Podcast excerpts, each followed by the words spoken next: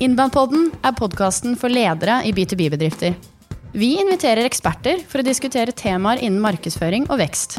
Podkasten ledes av meg selv, Camilla Tryggestad Wiesche, og Tor Magnus Kolflot i Inbound Group. Ja, Tor Magnus, er du klar for å lage første podkastepisode? Jeg er superklar. Endelig er vi i gang med podkast. Det blir kjempegøy. Innbandpodden er podkasten for ledere i B2B-bedrifter. Vi kommer til å invitere eksperter for å snakke om ulike temaer innenfor markedsføring og vekst. Ledet av deg og meg, Tor Magnus. Første episode skal vi spille inn i dag. Vi har en gjest eh, som står utenfor døra her og tripper eh, på tærne. Vi skal få inn administrerende direktør i Great Place to Work og snakke om arbeidskultur i vekstbedrifter.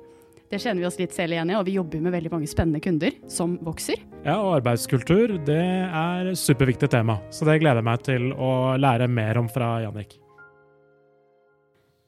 Velkommen til deg, Jannik Krohn Falk, eh, og velkommen til Inbound-poddens aller, aller første episode. Superhyggelig å være her. Hyggelig å ha deg her også. Jannik, du er administrerende direktør i Great Place to Work Norge. Dere jobber med å utvikle gode arbeidsplasser. Eh, hvert år så publiserer dere listen over Norges beste arbeidsplasser. Eh, altså, Hvilken bedre mann kunne vi hatt her i dag til å snakke om arbeidskultur? Jeg tror dette blir kjempebra. Ja, dette blir superbra. Gleder meg til det her. Vi har også med oss vår egen kjære HR-sjef Andrea Grøndal Berg. Eh, og selvfølgelig vår egen sjefen sjøl, Tor Magnus Kolflot. Ja. Og Jannik er jo ikke bare leder i Great Place to Work Norge. Det er han som startet det hele i Norge for mange år tilbake. Ja, det begynner å bli en del år siden, men ja, det var bra, det. Mm. Så det står respekt av. Mm. Kan ikke du Jannik, fortelle litt uh, mer om deg selv og Great Place to Work? Hva som driver deg til å gjøre det du gjør i dag? Eh, jo, det, jeg vil si det starter egentlig mye i si, tilfeldigheter, nettverk og relasjoner. Eh, og Det kan vi komme tilbake til etterpå. Men det, historien eh, for min del starter eh, egentlig på to måter. En litt indirekte hørte jeg om eh, Great Place to Work gjennom eh, faren min. Fortune Magazine for sikkert 20 år siden, 30 år siden nesten, med en artikkel med The Best Companies to Work for in America. det var da jeg studerte. jeg hadde ikke noe forhold til Great Place da, men det var første gang på det indirekte jeg hørte om det. Hvilke år er vi da, Jannik? Jeg tror kanskje det er sånn 96. Ja, ok. Uh, så vi snakker ganske, Det er en av de første måte, publiseringene som ble gjort. Og Han tenkte dette er noe som er interessant for, for meg. og da, Så jeg bladde. Det var en som heter Jim Goodnight, uh, SAS Institute, som er et teknologiselskap, som var på forsiden om hvordan de var portrettert med hvordan de tenkte rundt lederskap, hvordan de tenkte rundt kultur. Og lå veldig forut for sin tid, kan vi si. Uh, men jeg hadde jo ikke noe mer forhold til det etter det. Uh, bortsett fra så møtte jeg en, ble kjent med en, en, en, som heter Bjørn, en dansk, danske som når jeg studerte i Taiwan en liten periode. Så det var spennende. Og tilfeldighetene gjorde det sånn at han begynte å jobbe for søsterorganisasjonen søsterorganisasjon i, i Danmark. Og når vi skulle åpne kontor i Norge, så sa han jeg kjenner en fyr som jeg tror det er litt sånn gründertype. Jeg hadde ikke sett på meg selv som noen veldig gründertype, men, men det ble noe sånn, hadde noen møter med styreleder og leder for Europa. Og så fikk jeg muligheten til å åpne kontor i Norge. Men historien er også veldig spennende i forhold til den praktiske inngangen som vi har vært veldig opptatt av. Eh, og gründerne våre de, de, kommer egentlig Silicon Valley starter sånn type 35 år siden med, som journalister. Kan dere skrive en bok om de 100 beste stedene å jobbe? Og da tenker de ja, den boken blir nok tynn, for de har bare måte, skrevet om konflikter og problemer og had, kjente egentlig ikke til så mange gode arbeidsplasser. Så, så de reiste rundt research og holdt på i flere år og skrev en bok. Og det vekket så mye interesse for de, selv om de var ganske skeptiske utgangspunktet, til å gå enda dypere inn i ja, hva er det som enda mer kjennetegner de, gå mer faglig til verks, involvere akademia. Øh, skrev en bok til, og enda en, og så kom en naturlig forespørsel. Dere som vet så mye om gode arbeidsplasser, kan ikke dere hjelpe oss? Uh, og det var egentlig sånn, sånn første kunden begynte ca. for 30 år siden. Men amerikanske arbeidsplasser er jo ganske annerledes enn norske. Hvordan har det på en måte vært å overføre det amerikanske konseptet til norsk arbeidsliv?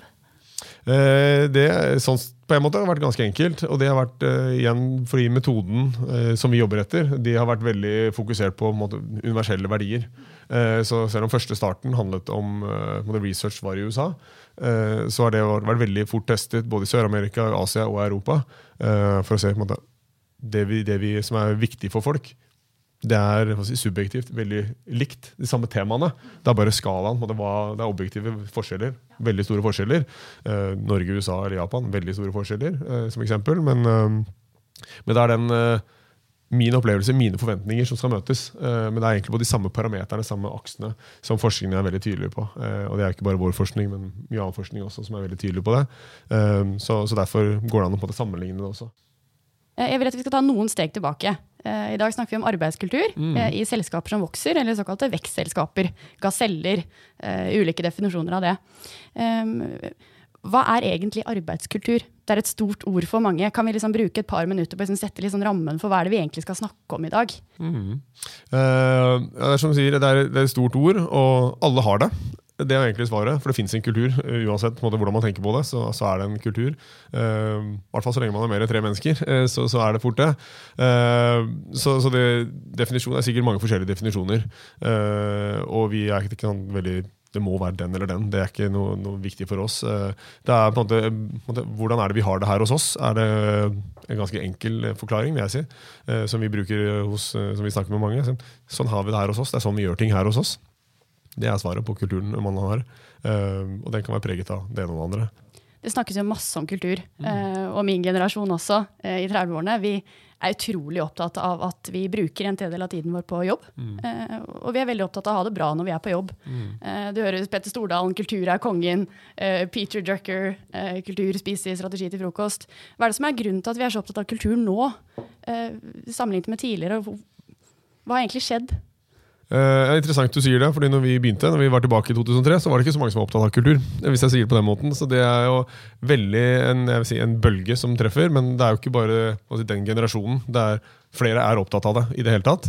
Um, og det er uh, si, supergledelig, tror jeg, uh, opplever vi. Men jeg tror noe av det som er viktige, det er jo måte, hvorfor de ser at kultur er viktig. og, det, Når det begynner å komme liksom opp på styrerommene og ledergruppene, så er det også fordi de ser verdien av det i forhold til nå resultatmål. Uh, altså, vi må, den, vi må, ha en kultur, vi må tiltrekke oss folk for å ha riktig kultur. For å utvikle, innovere, ta i bruk ny teknologi, hva det skal være. produktivitet og effektivitet og um, ja, innovasjon og den type. Det, det er, blir konkurransefortrinn. Så, så, det må bli fanget opp på begge aksjer.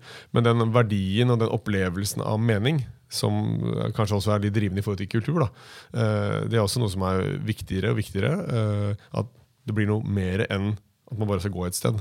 Uh, som sier, Man tilbringer veldig mye tid der.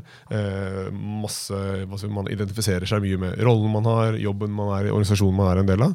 Og det er klart, Da skal det også som mange sier, livet er for kort til å være på en kjedelig arbeidsplass eller en, en dårlig arbeidsplass.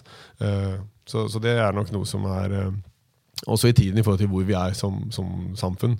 Uh, og der er det noen land, og kanskje Norge og Nord-Europa, den type, som, som, ligger noen hakk foran da, sånn utviklingsmessig. Hvor det er enda viktigere, kanskje. Mm. Tror Magnus, her kan du fortelle litt også. Vi ansatte jo en egen HR-sjef for tre år siden. Da hadde vi rundt mellom åtte og ti ansatte. Ganske uvanlig, Tor Magnus. Var, kan du fortelle litt om hvorfor vi gjorde det? Eh, jeg tenker vel eh, eh, Nå har jeg jo gründet to selskaper i min karriere. Og jeg har egentlig aldri vært veldig opptatt av arbeidskultur og kulturen i et selskap. Jeg vært veldig fascinert av å utvikle spennende produkter og tjenester. og få til, få til bra resultater og vekst og osv. Og, ikke vært så opptatt av sånne softe sider, egentlig. Eh, men så har jeg skjønt bare sånn år etter år at det her er jo litt viktig. Og, og en god kultur er ganske avgjørende for å få til bra ting. da. Én ting er liksom trivelig arbeidsplass, men å faktisk få til resultater, så må du, må du, ha en gjeng som er motivert, og som går i, i samme retning. Eh, så dette er egentlig bare en sånn eh, modningsprosess for min del. Eh, men jeg tenkte at som, eh, som, eh, gründer og leder av et selskap som skal opp og frem, at jeg må ha med folk som er skikkelig gode på, på, på kultur, blant annet. Så av litt ulike tilfeldigheter så var jeg så heldig at jeg fikk Fikk, fikk, ansatt en egen HR-sjef i da et lite selskap, som du sier, Camilla. Eh, da vi var bare rundt ti stykker. Eh, og det tror jeg for vår del og for min del var eh, smart. Ja, jeg kan jo si at holdt på å si, Den eh, invitasjonen til å bli en del av Inbound Group den kom overraskende på meg også. Eh, pratet med samboer om det en måned før. At jeg har en spennende kunde på jobben. Shit, Tenk om de hadde vært litt større så de hadde hatt behov for HR-sjef. Men de er ikke gærne nok til å finne på det når de er såpass små. Eh, så tok det en måned, og så innså jeg at så gæren er faktisk Tor Magnus. Men med absolutt positivt fortegn. Uh, og det å på en måte gå inn i en sånn type rolle i et sted hvor det åpenbart er så viktig, det å se det behovet tidlig, uh, det gjør det jo bare enda mer motiverende uh, for meg å på en måte skulle bekle den rollen. For Janek, Bedrifter som har 10-20 ansatte, det er ikke så vanlig å HR-sjef. Nei, det er sjeldent. Um... Men, jeg, men, jeg, snakker med en veldig flink uh, uh, leder uh, som jeg har veldig respekt for. og han, Jeg spurte om i din bedrift, og, og de hadde jo liksom par hundre ansatte. Har dere noen HR-mennesker? Og da sa han nei. HR-ansvaret har alle ledere. så jeg, jeg, skjønner at det er ikke den eneste veien til mål. men jeg bare tenker på for vår del så har det vært et bra grep. da. Ja, og det er noe med roller, tydelighet, ansvar, ikke minst interesse og passion eh, for å drive det arbeidet fremover. Eh, så, så det ser vi også det samme. og den, altså Akkurat den type eksempler. Med, noen lykkes veldig med én modell, noen lykkes med en helt annen modell. Eh, men det er også noe med forutsetningene rundt. og Tydelighet i ansvar, og om det er lederkonsulenter eller hva det er. Jo, det ligger i linja, det ligger tydelig ansvar. Men hva man outsourcet, hva man insourcet av hva ligger i rollene. Så det er også veldig måte, spennende. Den, den utviklingen. Da. Hva er HRs rolle? Og den har eh, også utviklet seg ganske mye. Så Hvordan man tar det inn, selvfølgelig. Så, så modent og interessant å høre den eh, så tidlig. da, Å komme inn når det er så få. Eh, men det er jo som du sier, den der, vi må lykkes for å, for å utvikle oss. For å ha suksess så må vi ha de riktige folka. Da må vi klare å sette nok fokus på det. Men siden vi har en HR-sjef her, Andrea, vil du si litt om essensen av hvordan vi jobber med, med kultur i Inbound Group, og hva som har blitt gjort? Absolutt. Eh, jeg ser jo på en måte på mitt opp min, mitt ansvarsområde uh, som uh, ikke noe jeg skal skape. Det er noe jeg skal videreutvikle og foredle. Jeg kan ikke på en måte beslutte i samråd med ledergruppen at nå skal vi ha en sånn type kultur. og nå skal vi begynne å oppføre oss sånn. Det handler jo mer om å identifisere de positive triggerne på arbeidsplassen. Skjønne litt hva er det som gjør at folk trives godt hos oss. Hvorfor er vi en attraktiv arbeidsgiver både for folk som vil komme inn og de som allerede er her. Hva er det vi skal forsterke? Hvor er det vi på en måte har styrker vi skal bygge videre på? Og hvilke ting er det vi godt kan plukke bort hvilke uvaner har vi lagt til oss. Uh, og det er klart at i på en måte den fasen jeg kom inn i Inbound Group på, hvor det var enormt mye vekst, veldig mye nye mennesker inn på veldig kort tid, mye nye kunder, veldig mye jobb, uh, så var det uh, veldig veldig mye som var bra, og veldig mye som var gøy å jobbe videre med. Og så var det en del ting som måtte på en måte tas litt tak i, rett og slett fordi det var en snøball som rullet ganske raskt. Vi var, det var veldig, For veldig få måneder skjedde det ekstremt mye internt. Eh, og det å på en måte eh, skjønne litt hva er det vi skal ha med oss videre herfra, og hvordan skal vi jobbe videre med det, det, det har på en måte vært en viktig, viktig del av mitt virke. Um, og så er det klart at måte, vi har vært en relativt ung arbeidsplass ganske lenge. Uh, vår generasjon som Camilla var litt inne på i sted, de har en del forventninger til hva en en arbeidsgiver skal være. Og det er litt mer enn en lønnsslipp og et sted å opp, oppholde seg fra åtte til fire. Så det å på en måte eh, skjønne litt sånn hva er det som faktisk trigger, og hva er det som skaper en sånn ekstra entusiasme for den jobben vi gjør, eh, det har vært viktig arbeid for meg. Bare nysgjerrig, hvordan, hvordan du bruker ordet trivsel. Eh, hvordan, hva skiller dere tenker dere rundt altså, trivsel og hygge og moro, hvis du sier det på den måten, ja, ja, ja. kontra det altså være et bra sted å, å jobbe? altså Understrek på jobbing. Eh, måling er et nøkkelord okay. der. Mm. Eh, vi måler ansatt eh, tilfredshet på ganske mange ulike parametere. Mm. Eh, jeg er eh, vel så opptatt av at vi skal være et sted hvor du trives i jobben din, som med kolleger på julebord på lønningspils. Eh, tenker at det er supert, men det er en veldig liten del av mm. kaka. Eh, hovedbolken her er jo på en måte arbeidsoppgaver og uh, rammer rundt jobben du gjør. ikke sant? Du har spennende kunder, spennende prosjekter, uh, gode rammer rundt jobben din, sånn at den blir enkel å gjøre. Riktige systemer, en ledelse som følger deg godt opp. på en måte Disse tingene. Og det at vi har det hyggelig i lunsjen, får være en bonus. Mm. Apropos suksess, Jannik. Jeg er litt interessert i å høre hvem er det som virkelig har imponert deg på denne fronten? Kan du trekke fram noen mennesker eller selskaper som du som vi andre kan bli inspirert av? Uh, ja, det, og det er jo mange opp gjennom årene. Uh, så jeg tenker um, Prøv å velge litt av noe av det som er litt nylig uh, i det. Så, så, tenker jeg det er et, en organisasjon som jeg har jobbet mye med i det siste, som er Møller-gruppen. Møller Mobility Group, som de nå heter. 4000 mennesker måte, i fem land. jobbet veldig systematisk og strukturert. Veldig gode på business. hvis du sier sånn, Fokusert, det har vært målet. Men hadde veldig endring i strategi. Fokus på folk og forretning, som de sier nå. Eh, og gjort en veldig stor investering om det bygge opp HR, bygge kompetanse på lederskap, eh, mye måling, som, som du er inne på, og, og den se virkelig måtte være med å snu hele strategien. For at vi skal skape fornøyde kunder, for at vi skal kunne vokse inn i fremtiden og, og være det vi har lyst til, så må vi fokusere mye mer på, på kulturen og fokusere på folka våre. Uh, så det er noe med å snu et, et svært skip. Uh, så de er jo helt i startfasen. Uh, men det er med, med ny konsernsjef eh, Petter Hellmann og ny HR-direktør som er Nina Moe Edvardsen. I spissen, de to. Uh, å få med seg liksom, hele, alle de 4000 har vært uh, uh, veldig sånn forankringsmessig også. Stor jobb. tar lang tid. og de vet også det tar lang tid. så liksom fra det ytterpunktet til med så stor organisasjon til mye mindre organisasjoner. snakket ganske nylig med Eaterate, daglig lederen i Eaterate, som heter Rune Larsen, eh, for hvordan de egentlig har snudd hele forretningsmodellen sin. fra De er IT-konsulenter, men snu det mot et eh, spin-off-type eh, sånn startup-miljø, hvor de klarer å kombinere altså gründerspiriten. Det å starte noe eget med å jobbe i den organisasjonen samtidig. Så fra å være ren konsulent, så er de nå en, en, eh, inkubator egentlig for å starte nye selskaper. Så det endret helt forretningsmodellen. Så det syns jeg er inspirerende. og Jeg kaller modigheten å tørre å stå i så store strategiske skift. Jeg får til også hva folk har lyst til, de som jobber der. Eh, og også tiltrekke seg den type talenter. og da måtte bruke, bruke, tid sammen også i å utvikle nye startups. Um, så er det også et, et, annet selskap som heter Lighthouse 8. Uh, eh, det var helt ukjent for meg, for jeg snakket med de for noen måneder siden. Um, som er jeg, jeg holdt på å si lite trondheimsbasert, men de startet egentlig i Australia med uh, par, et par fra, fra Trøndelag. Men hvor, hvordan et lite selskap som jobber med market automation, robotisering og AI, bare jobbe med de måte, verdens største selskaper, uh, og aldri hørt om denne måte, lille, relativt lille organisasjonen.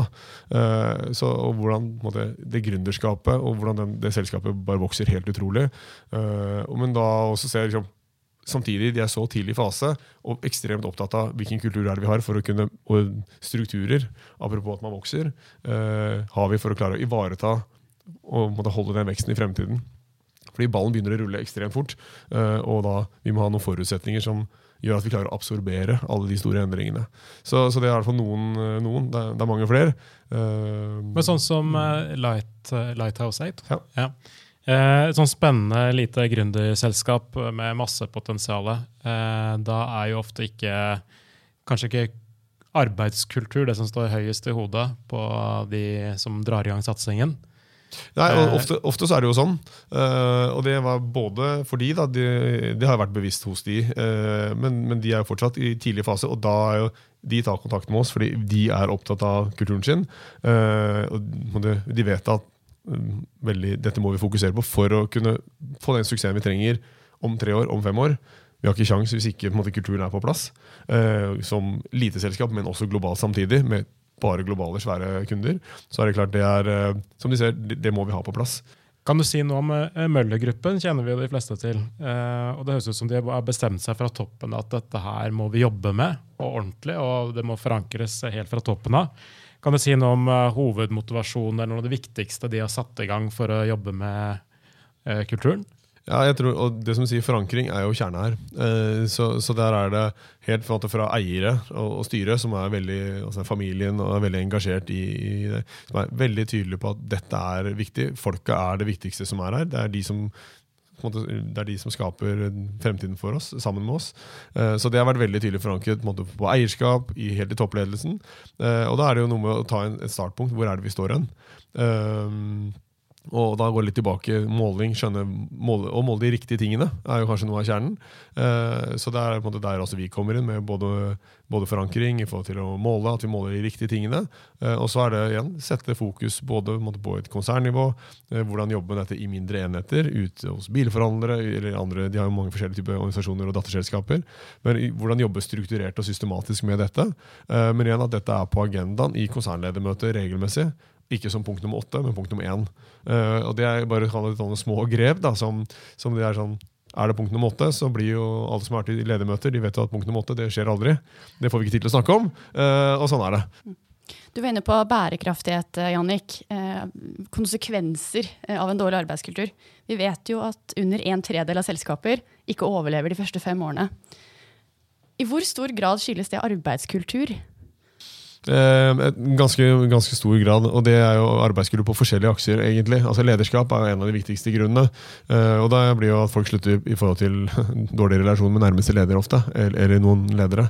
Eh, så det er klart, det, det er en del av kulturen. Eh, men, men det, det er noe med, med altså den hvis du har arbeidskultur litt i det brede igjen, så er det, det handler jo da om måte, det å kjenne at jeg er verdifull. Eh, hvis man ikke føler seg verdsatt og verdifull, så er det også måte, limet for å holde deg igjen er mindre.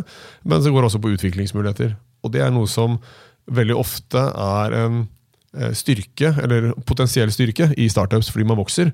Og da er det, liksom, det blir nye karrieremuligheter hele tiden. Eh, Så ja, vi ansetter fire nye mennesker, vi trenger en teamleder, og så finner man det internt. Eller, så det blir masse muligheter. Det som av og til skjer, og det som ofte skjer i, i startups, det er at vi har ikke en måte, tydelig nok struktur eh, til noen rammer i forhold til f.eks. interne prosesser for det. Så da oppleves det måte favorisering, eller den type eh, 'hun fikk jobben, jeg burde hatt den'. eh, den type, fordi også ting bare går så fort at vi måtte bare finne folk. Eh, jeg sier litt forenklet, men, men det er ofte det er, også noe den Man fikk ikke de mulighetene, kanskje. Eller var vi flinke nok som ledere til å måte, finne den karriereveien. Eh, og det er litt den apropos investere i, i bunnen der. Det, det er bedre å vokse bra istedenfor å vokse for fort. Um, så det å være gaselle, som vi også har vært noen ganger, det er, sånn, det er supermotiverende. Men det å måtte vokse 100% nei, det er kanskje litt over. Det klarer ikke vi å absorbere. Så da er det kanskje bedre å vokse 20% eller 30% Rekruttering er også en nøkkel der. Uh, finne de riktige folka som skjønner hva de kommer til. Og det er kanskje også en utfordring for noen. Det er at man selger inn det som var. Også de som rekrutterer som har vært der en stund. Ja, sånn er det her. Men, og når vi var ti stykker, så var det sånn. Men når man var 20 eller 40, de har helt andre forventninger. For da man har en assosiasjon på én ting, er merkenavn og tjenester og produkter og sånn. Men er det 40 mennesker, så er det helt annen forventning om profesjonalitet, i forhold til strukturer, om er rettferdighet eller utvikling, enn en, ja, vi, er, vi er gjengen som sitter og spiser lunsj sammen hver dag. Uh, av ti stykker, Så er det veldig forskjellige forventninger. Og, så kulturen utvikler seg hele tiden. da. Jeg ser du står og nikker her, Andrea. Det Eh, Vi kjenner kjenner, jeg kjenner meg også igjen. veldig igjen i dette her. Vi har vært her nå i tre år, Ja. og jeg, nikker, jeg også. Eh, Dette, dette er ting som er eh, holdt på å si, kjent materie, og ikke minst eh, enkelt å prate om og litt vanskelig å jobbe med i praksis. Det er jo på en måte ikke en, eh, en eh, rett frem oppgave å skulle håndtere den typen vekst. Og bare fra 10 til 20 syns jeg på en måte er det er veldig stor forskjell på 10 og 20 personer. Og mye mer enn de 10 personene i headcount, på en måte. Det er uh, utfordringer både knyttet til som du sier, litt sånn hva har vi vært før, hva er vi nå, hvordan kom vi oss dit, hva har det egentlig på, hvordan har det påvirket oss?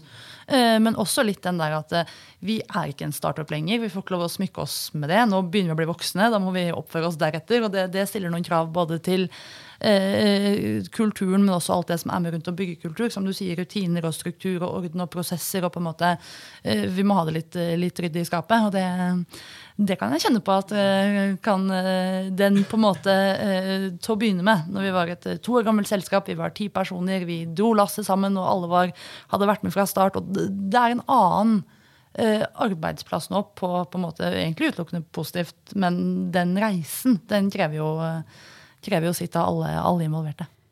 hva er det egentlig, eh, egentlig spørsmål både til Andrea og til Jannik, vi kan ta Jannik først. Hva er det egentlig med arbeidskultur som er så vanskelig å få til? En ting er å bygge en kultur, en annen ting er å endre en kultur. Det er sikkert litt forskjeller der også. Ja, og altså, som, jeg- som jeg sa, alle har en kultur. Eh, og altså, Du kan bygge den med det mer eller mindre bevisst eh, også. Eh, men, men å, å, endre en kultur det tar lang tid. Eh, og det er veldig mange faktorer som påvirker. Da. Så det kan jo være ledere, leders rolle og strategivalg. Det kan være tjenester og produkter, det kan være nye folk som kommer inn. Som, måtte, det blir justeringer underveis, og det, og det, blir skjer hele tiden. Så det er så levende og dynamisk arbeidskulturen. Så, men hvorfor også det er så vanskelig å lykkes med det, det er jo veldig det er som Alle vet det teoretisk, skjønner måtte, intellektuelt hva det handler om. Uh, og noe av det som er kjernen i forhold til de som, som vi vet, uh, det er en, altså, relasjonen mellom folk som er ekstremt viktig.